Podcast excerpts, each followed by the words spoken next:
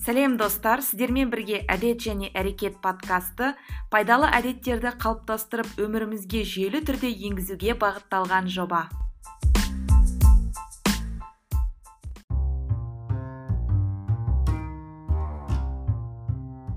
Сәлем әлем. Сіздермен бірге әдет және әрекет подкасты. Менің есімім жанар. Және біз бүгінгі 10 эпизодты бастаймыз. Бүгінгі эпизодтың тақырыбы салауатты ұйқы әдеттері. Яғни бүгінгі эпизодта біз ұйқыға қатысты түрлі зерттеулерді ұйқының біздің өмірімізге әсері жайлы ұйқыға қатысты жақсы әдеттер мен жаман әдеттер жайлы ә, сөйлесетін боламыз. Сонымен қатар ұйқының түрлі кезеңдерін де қарастырамыз. Және ең бастысы сауатты ұйықтау үшін қандай әрекеттер көмектесетіні жайлы да сөйлесетін боламыз.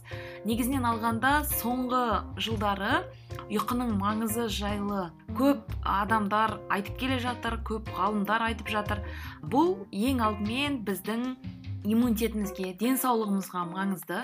Өйткені ұйықтау барысында біздің ағзамызда түрлі үрдістер жүреді.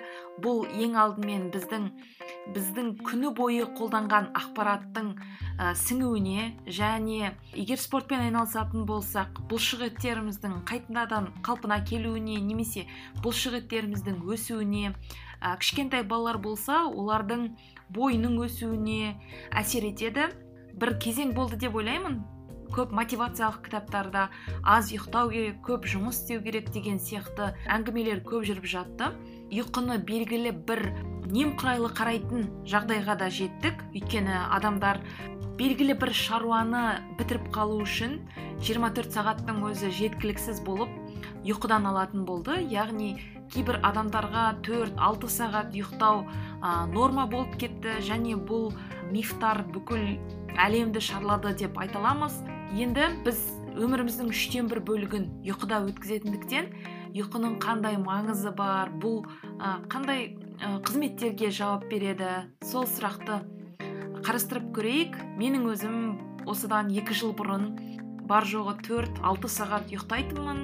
Және бұл мен үшін норма болып саналатын. Өйткені егер де сіздің ағзаңыз белгілі бір режимға үйреніп қалса онда ол үшін ол қалыпты жағдай болып табылады. Мысалы мен үшін 6 сағат ұйықтау аз емес болатын.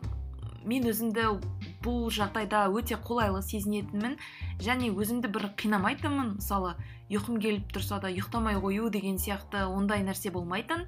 Адамдар бөлінеді ғой сава жаворонок деп. Мен өзімді таза жаворонокпын деп айта аламын. Өйткені мен түнгі уақытта жұмыс істей алмаймын. Яғни менде тиімділік қуат бірден өшеді және сағат бір кезінде мүлдем жұмыс істей алмаймын ұйқым келеді. Тіпті ұйқыға жатардың алдында кофе ішіп алсам да ол маған көмектеспейді бірден ұйқы қалып кетеді. Сондықтан маған таңғы уақытта ертемен жұмыс істеген өте қолайлы. Бұл жерде ескеретін нәрсе мен бір уақытта ұйықтап бір уақытта тұрамын. Егер де белгілі бір себептермен адам болғасын өміріңде түрлі жағдайлар болады сондай кездерде мысалы менде түнде ұйқым бұзылса немесе түнгі бірде ұйықтасам белгілі бір жұмыстармен немесе ә, түнгі үште ұйықтасам мен өзімнің қалыпты тұратын уақытымда ұйқыдан тұрамын. Мысалы сағат алтыда тұру керек болса мен алтыда тұрамын. Ә, кейіннен ол ұйқының есесін басқа күні өтеуі мүмкін қазасын өтеуі мүмкін. Бірақ бұл дұрыс емес. Бұл нәрсе бір екі рет болуы мүмкін бірақ тұрақты жағдайда болмағаны дұрыс. Сонымен қатар менің ұйықтау циклдарымда жыл мезгіліне байланысты өзгеріп отырады. Мысалы қыс кезінде күн кеш шығатын болғандықтан негізінен мен күннің шығуына мән беремін. Қыс кезіндегі күн шығуы мен жаз кезіндегі таң атуы екі бөлек. Сондықтан ә, осыған сәйкес те менің ә, ұйықтау уақытымның мерзімдері жылжып отырады. Және мынандай бір нәрсе бар. Белгілі бір тақ сандар бар және жұп сандар бар. Мен бұл әдісті өзімде ұзақ уақыт бойы тексеріп көрдім. Мысалға алатын болсақ менде бұл ә, цикл өзгеріп отырады. Мысалы сіздің ұйқыңыз 9 сағатта 7 сағатта 5 сағатта немесе 3 сағатта қануы мүмкін. Егер де жұп сандарды алатын болсақ онда 4 сағатта 6 сағатта және 8 сағатта қануы мүмкін. Менде сағат қоңырауы болса да егер де менде бұл бір үйреніп қалған жағдай болса мысалы мен үш сағат ұйықтап жүрсем немесе бес сағат ұйықтап жүрсем немесе жеті сағат ұйықтап жүрсем онда мен тек осы тақ сандар кезінде ғана ұйқыдан ояна аламын деген түсінік бар. Ә, басқа адамдарда қалай екенін білмедім. Бұл маған жұмыс істейді. Сондықтан егерде мен белгілі бір себептермен кеш жатып қалатын болсам мен өзімнің үш сағатта немесе бес сағатта ұйқым қанатынын білемін. Сондықтан осы әдісті де қолданамын. Енді ұйқының кезеңдерін қарастырайық. Қалыпты жағдайда біз түнде ұйқының түрлі кезеңдерін төрт бес рет өтеміз. Және оның әрқайсысының нақты міндеті мен мақсаты бар. Егерде толықтай айтатын болсақ ең алдымен бірінші кезеңге тоқталайық. Бірінші кезең бұл біздің көзімізді жұмған сәттен бастап орын алады. Қысқа мерзімді ұйқы деп аталады. Нон рем ұйқы деп айтсақ болады. Бұл негізінен алғанда 5-10 минутқа созылады. Яғни біздің ояу сәтімізден ұйқы фазасына өтудегі қадамымыз егер де осы уақытта адамды оятып жіберетін болсақ көп жағдайда адам сізді мүлдем ұйықтамағанын жай ғана көзінің ілініп кеткенін айтуы мүмкін. Бұл жағдайда біздің бұлшық еттеріміздің қозғалысы азаяды және біздің демалысымыз сонымен қатар пульс ағзамыздағы түрлі зат алмасу үрдістері сонымен қатар денеміздің температурасы да азаяды және көзіміз ақырын қозғалыс жасауы мүмкін. 20 минуттан кейін екінші кезеңге өтеміз. Бұл біздің ұйқымыздың жартысынан көп көлемін алады. Бұл жерде біздің жүрегіміздің ритмі төмендейді дене температурасы түседі және біздің көзіміз қозғалыссыз болады. 30-40 минут бойы біз баяу ұйқы кезеңіне өтеміз. Ұйқымыздың үшінші кезеңі бұл барлық ұйқы кезеңінің төрттен бір бөлігін алады. Баяу ұйқы кезінде біздің миымыз демалады біздің қайта қалыпқа келу жұмысын бақылайды. Белсенді қозғалыс үшін өмірімізге түрлі заттардың элементтердің ағзамызда жинақталуына көмектеседі. Төртінші кезең бұл өте тез парадоксальды ұйқы деп айтсақ болады. Яғни бұны біз рем ұйқы деп айтамыз. Бұл ұйқының ең қысқа бөлігі ол біздің баяу ұйқымыздың үштен бір бөлігін құрайды. Бұл негізінен 90 минутқа созылады. Осы кезде біз яғни бұл ұйқының соңғы кезеңі бұл кезде біз түс көреміз. Ұйқы кезіндегі әңгімелер болуы мүмкін бірақ көп жағдайда адам бұның есіне сақтай алмауы мүмкін. Біздің басты мән беретін нәрсе ол ерте жатуымыз. Бұның қандай маңызы бар?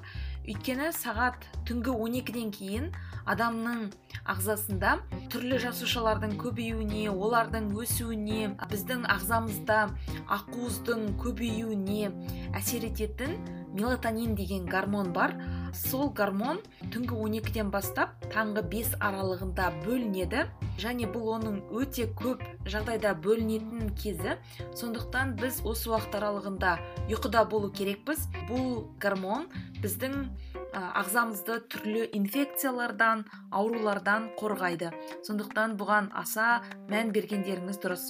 Негізінен ұйқының аз болуы қандай әсерге алып келуі мүмкін? Ғылыми зерттеулерге сүйенсек ұйқының аз болуы ісік ауруының қаупін екі есеге арттырады екен.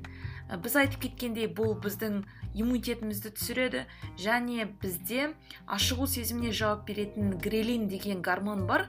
Бұл гормонның концентрациясы ұйқымыз аз болса немесе ұйқымыз қанбаса өте көбейіп кетеді. Сондықтан егер де сіздің ұйқыңыз аз болған жағдайда тамақ жегіңіз келуі мүмкін яғни тамақты көп жеп қоюыңыз мүмкін. Сондықтан ұйқымыз қанған болуы керек. Егер де сіз тіпті тамақ жемеген күннің өзінде сізде жеткілікті мөлшерде ұйқы болса онда бұл сіздің ағзаңызға өмір сүруге көмектеседі. Сондықтан ұйқының да біздің өмір сүруімізге маңызы өте зор. Бұл біздің денсаулығымызға берілген құнды сыйлық кейбір адамдар ұйқыны тыныштандыратын нейрохимиялық ванна деп қарастырсақ болады дейді. Өйткені бұл біздің жағымсыз естеліктердің әсерін азайтып мидағы бұрынғы және қазіргі білімімізді араластырып белгілі бір химия процесі болады осы кезде. Және бұл біздің миымызда түрлі креативті ойлардың пайда болуына себепкер болады. Адамзатқа электр шамын сыйлаған томас эдисон ұйқы дегеніміз бұл бассыздық жаман әдет деп айтқан екен.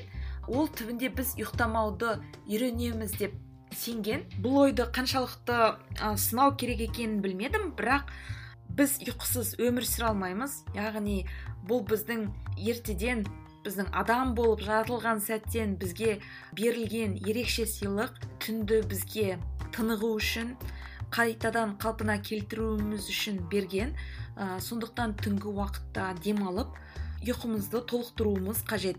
Өздеріңіз білетіндей жапония халқы өте еңбекқор.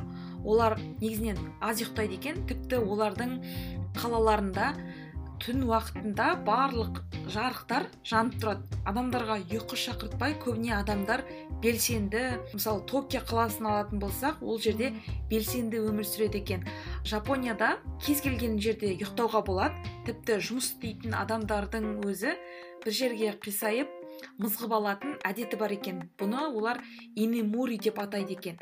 Егер де сіз қоғамдық көлікте немесе жұмыс орнында ұйықтап отырсаңыз бұл сіздің бизнес ортадағы беделіңізді көтеруі мүмкін екен яғни бұл сіздің тынымсыз еңбектеніп жүргеніңізді көрсетеді екен. Өте қызық ақпарат. Көбінесе жапондықтар психологиялық жағынан өте әлсіз болып келеді және олар көбінесе депрессияға стресске көбірек ұшырайды ұйқыны игнорға жіберіп басқа бір шаруаларын бітірдік деп ойлауы мүмкін. Бірақ бұл өте қатте түсінік деп ойлаймын. Ұйқыны былайша игнорға жіберіп түрлі ұйқы дәрілерін ә, қою кофемен табиғат заңын айналып кете алмаймыз. Сіздерге келесі ұсынатын бұл крейг балентайнның 13-2-1-0 деген жүйесі яғни ұйқыға дейін 10 сағат бұрын құрамында кофеині бар сусындарды тоқтату негізінен алғанда құрамында кофеині бар кофе шай деген өнімдер. Әсіресе кофе біздің ағзамызда 12-14 сағатқа дейін сақталады екен. Яғни оған ағзамыздан толық сыртқа шығу үшін осынша ұзақ уақыт керек сондықтан ұйықтардың алдында 10 сағат бұрын кофеинді алып тастауымыз керек. Ұйықтардың алдында 3 сағат бұрын тамақтануды тоқтату керекпіз. Ұйықтардың алдында 2 сағат бұрын барлық жұмыс әрекеттерімізді жұмысымызды тоқтату керекпіз. Ұйқыға қалғанда бір сағатқа дейін барлық гаджеттердің құрылғылардың нөл дегеніміз бұл сағат қоңырауының бірінші шырылымен ояну дегенді білдіреді. Көп жағдайда ұйқының психологиялық үрейлену ауруларын емдеуге де үлесі өте зор. Бұны ең алғаш рет америкалық ғалым эндрю уэйл өзінің анаксайти деп аталатын психологиялық үрейлену ауруын емдеуге болатынын дәлелдеді. Бұл әдіс қалай орындалады? Ә, егер де сіз ұйқыңыз келмесе онда ұйықтар кезде терең тыныс алу жаттығуларын жасау керексіз. Төрт секунд бойынша мұрныңызбен терең дем аласыз. Одан кейін алған деміңізді жеті секунд бойы ұстап тұрасыз. Содан кейін ұстап тұрған деміңізді 8 секунд бойы ақырын ғана шығарасыз. Осы әдісті 3-4 рет қайталайтын болсаңыз бұл әдіс орындалған кезде өкпеңізге көбірек оттегі толып парасимпатикалық жүйке жүйесі жеңілдейді екен. Сондықтан егер де ұйқыңыз келмесе онда ә, осылай дем алу жаттығуларын жасап көріңіз. Негізінен алғанда ұйқының алдында психологиялық ауыр жағдайлардан бас тартқан дұрыс. Яғни ұрыс сияқты бір белгілі бір сізге стресске алып келетін жағдайлардан аулақ болған дұрыс. Және бұндай көңіл күйде ұйқыға жатқанда дұрыс емес. Сондықтан өзіңізді барынша осындай ә, стресстік жағдайлардан оқшаулаңыз. Егер де сіздің ұйқыңыз келмесе еш уайымдамаңыз. Яғни ұйқыңыз келмесе онда оянып ә, біраз кітап оқысаңыз болады. Мен өзім солай жасаймын. Егер де ұйқым келмесе бірнеше рет санауым мүмкін бірнеше рет зікір айтуым мүмкін. Егер де бұның барлығы көмектеспесе онда мен төсегімнен тұрып кітап оқуым мүмкін. Немесе басқа бір нәрсе істеуім мүмкін. Бірақ экран компьютер деген сияқты заттарды қолданбаймын. Көбінесе кітап оқимын. Және біраз уақыттан кейін қайтадан ұйқым оралуы мүмкін. Сондықтан осындай пайдалы кеңес. Негізінен алғанда ә, көп ғалымдар жақсы ұйқы ол жақсы кәсіп дегенді білдіреді дейді. Яғни ә, дұрыс ұйықтау арқылы сіз өзіңіздің өміріңізге инвестиция жасайсыз және көп жағдайда аз ұйықтаған адам тез қартаяды дейді. Сондықтан өмір жасыңыздың ұзақ болғанын қаласаңыз көбірек ұйықтауға тырысыңыз. Мен осы карантин кезінде көп ұйықтап бастадым. Жеті сегіз тоғыз сағат қазір сондай уақытта ұйықтап жүрмін. Және осы карантин кезінде мен мэтью уолкер деген кісінің зачем мы спим? деген кітабын оқыған болатынмын. Ә, бұл кітап маған өте қатты әсер етті. Түрлі ғылыми зерттеулерге толы түрлі кеңестер бар. Бірақ мен осы жаңа жыл кезінде жаңа жылдың соңында бұл кітаптан біраз көңілім қалып қалды. Өйткені алдыңғы эпизодта сіздермен нұрлан иманғалиев деген ағамызбен таныстырған едім. Сол кісінің фейсбукта осы зачем мы спим? кітабына қатысты бір посты болды. Ол жерде ол алексей гюзей деген бір ғалым бар. Оның гюзей дот ком деген сайты бар. Сол жерден осы мэтью уолкердің бүкіл еңбегін жоққа шығарған яғни мэтью уолкер осы кітапты жазу барысында көптеген ғылыми зерттеулердің сандарын өзгертіп яғни бір жалған ақпарат қолданған екен кейбір зерттеулер расында да өтірік екен. Бұл нәрсені естіген кезде кәдімгідей көңілім түсті. Өйткені мен бұл кітапты өте сондай жақсы қабылдадым. Көп нәрсе маған бір жаңадан ашылғандай болды жаңа қырынан ашылғандай болды. Бірақ белгілі бір алданып қалғандай сезім болды. Сондықтан сіздерге беретін кеңесім белгілі бір кітапты оқыған кезде белгілі бір пост оқыған кезде немесе веб сайттардан бір артиклдарды статьяларды оқыған кезде оған бір скептик сияқты қараңыз яғни басы күйлі оған сенбеңіз деп айтар едім. Біршама ойлану керек. Мүмкін гуглдан іздеп қарайсыз бұл қаншалықты қандай адам қандай ғалым мен негізінен ғылыми негізде жазылған кітаптарға көбірек сенім білдіретін едім. Бірақ енді осыдан кейін біршама абайлап қарайтын болдым. Сондықтан сіздерге де солай жасауға кеңес беремін. Енді сіздермен өзімнің ұйықтау әдеттеріммен бөлісе кетейін. Бірінші әдет ол оң жақпен ұйықтау. Соңғы 5-7 жылда қалыптасқан белгілі бір әдеттерім бар. Оларды мен ешқандай жігер күшінсіз автоматты түрде жасаймын. Оның біріншісі оң жақпен жату. Яғни сіз оң жақпен жату арқылы жүрегіңізге салмақ түсірмейсіз және бұл бір жағынан сүннет амал болып табылады. Мен негізінен ұйқыға жатар кезде ең алдымен төсегімді қағамын. Яғни ол жерде белгілі бір бір нәрсе болуы мүмкін. Мысалы мүмкін бір жәнді көрмелеп кетті деген сияқты. Сондықтан міндетті түрде ұйқыға жатпас бұрын төсегіңізді сілкіңіз жастықтарды қағыңыз. Одан кейін ұйықтардың алдында міндетті түрде жуынамын. Бұрындары міндетті түрде душ қабылдайтынмын. Қазіргі кезде әрдайым оны жасаймын деп айта алмаймын.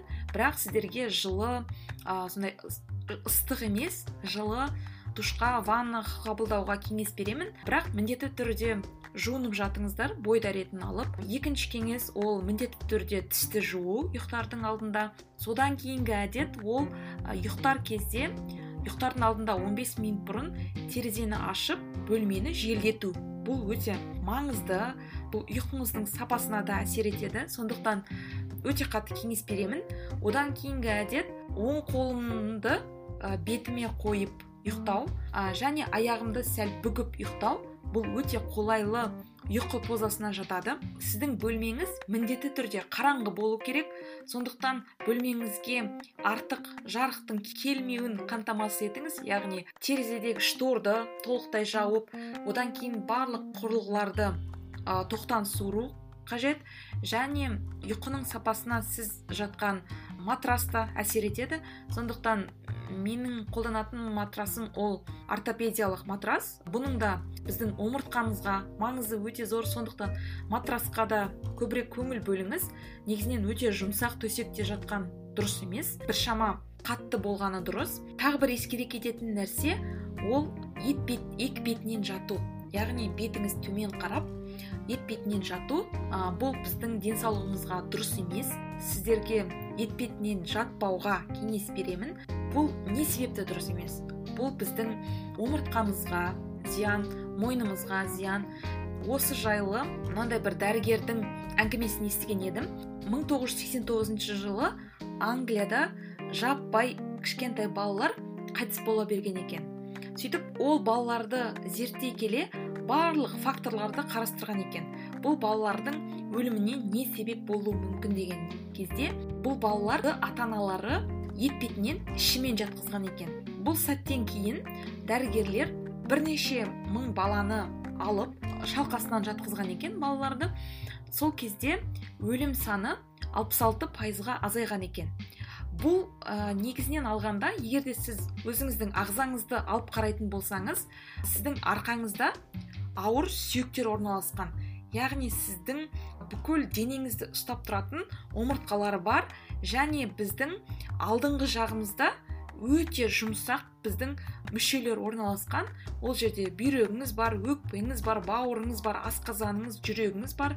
Және сіз етпетіңізбен төмен қарап жатқан кезде бұл ауыр сүйек сіздің жұмсақ тін мүшелеріңізге яғни жүрек өкпе бүйрек асқазанға өте үлкен салмақ түсіреді. Сондықтан бұл өте дұрыс емес. Егер де қазір етпетіңізден жатып жүрсеңіз бұны жасамауға тырысыңыз. Кейбір адамдар ұйықтардың алдында жаттығу жасамаған дұрыс деп айтады. Бұл жайлы да сөйлесейік. Негізінен алғанда жаттығу кезінде бізде адреналин және басқа да гормондар өте жоғары деңгейге жетеді. Сондықтан олар қалыпқа түсу үшін бізге кемінде үш сағат уақыт керек. Ұйқысыздықтың проблемасы да осыдан туындауы мүмкін. Сондықтан жаттығу кезінде яғни егер де сіз қарқынды жаттығу жасаған болсаңыз бұл кезде көтерілген дене қызуы ұйықтағанға дейін қалпына түспеуі мүмкін. Және бұл сіздің басқа да ағзаларыңыздың қалыпты жұмыс істеуіне әсер етеді. Сондықтан бір үш сағат күтіп содан кейін ғана барып ұйықтағаныңыз дұрыс. Келесі әдет ол ә, түс кезінде ұйықтау. Бұл негізінен ә, ғылыми зерттеулер күндізгі қысқа ұйқының пайдалы екенін айтты. Оның ұзақтығы жарты сағат болса жеткілікті. Негізінен алғанда күндізгі қысқа ұйқы бұл тынығу үшін концентрацияны көңіл күйді жақсартады. Латын америка елдерінде бұл сиеста деп аталады. Мұсылмандарда да бұл нәрсе бар ол қайлуля деп аталады. Яғни сіз сағат түскі бір мен сағат түскі төрт аралығында ұйықтап алсаңыз болады.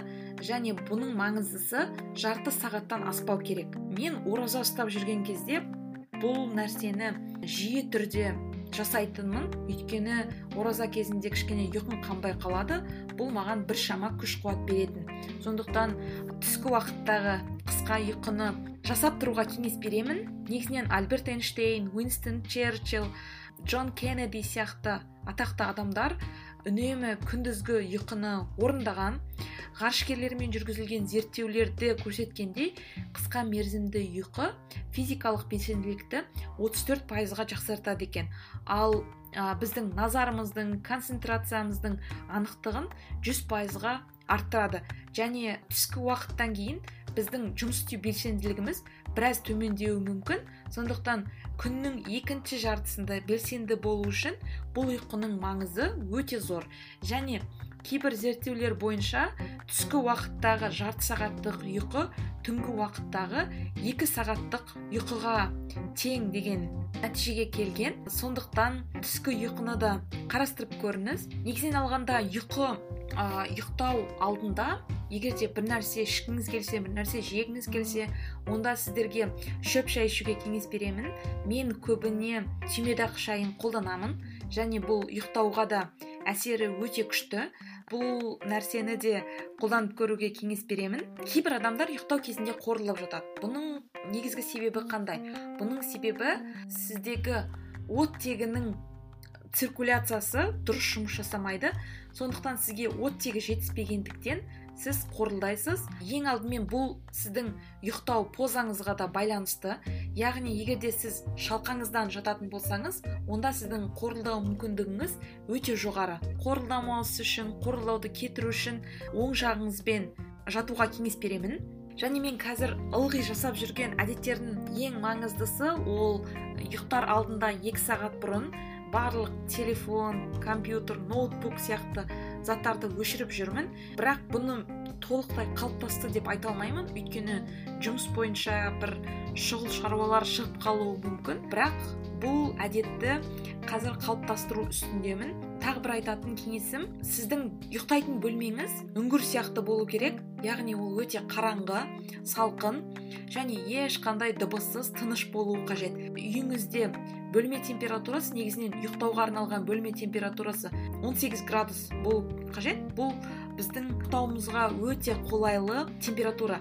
Егер де сізге бұл салқындау болса онда аяғыңызға шұлық киіп алып ұйықтасаңыз болады.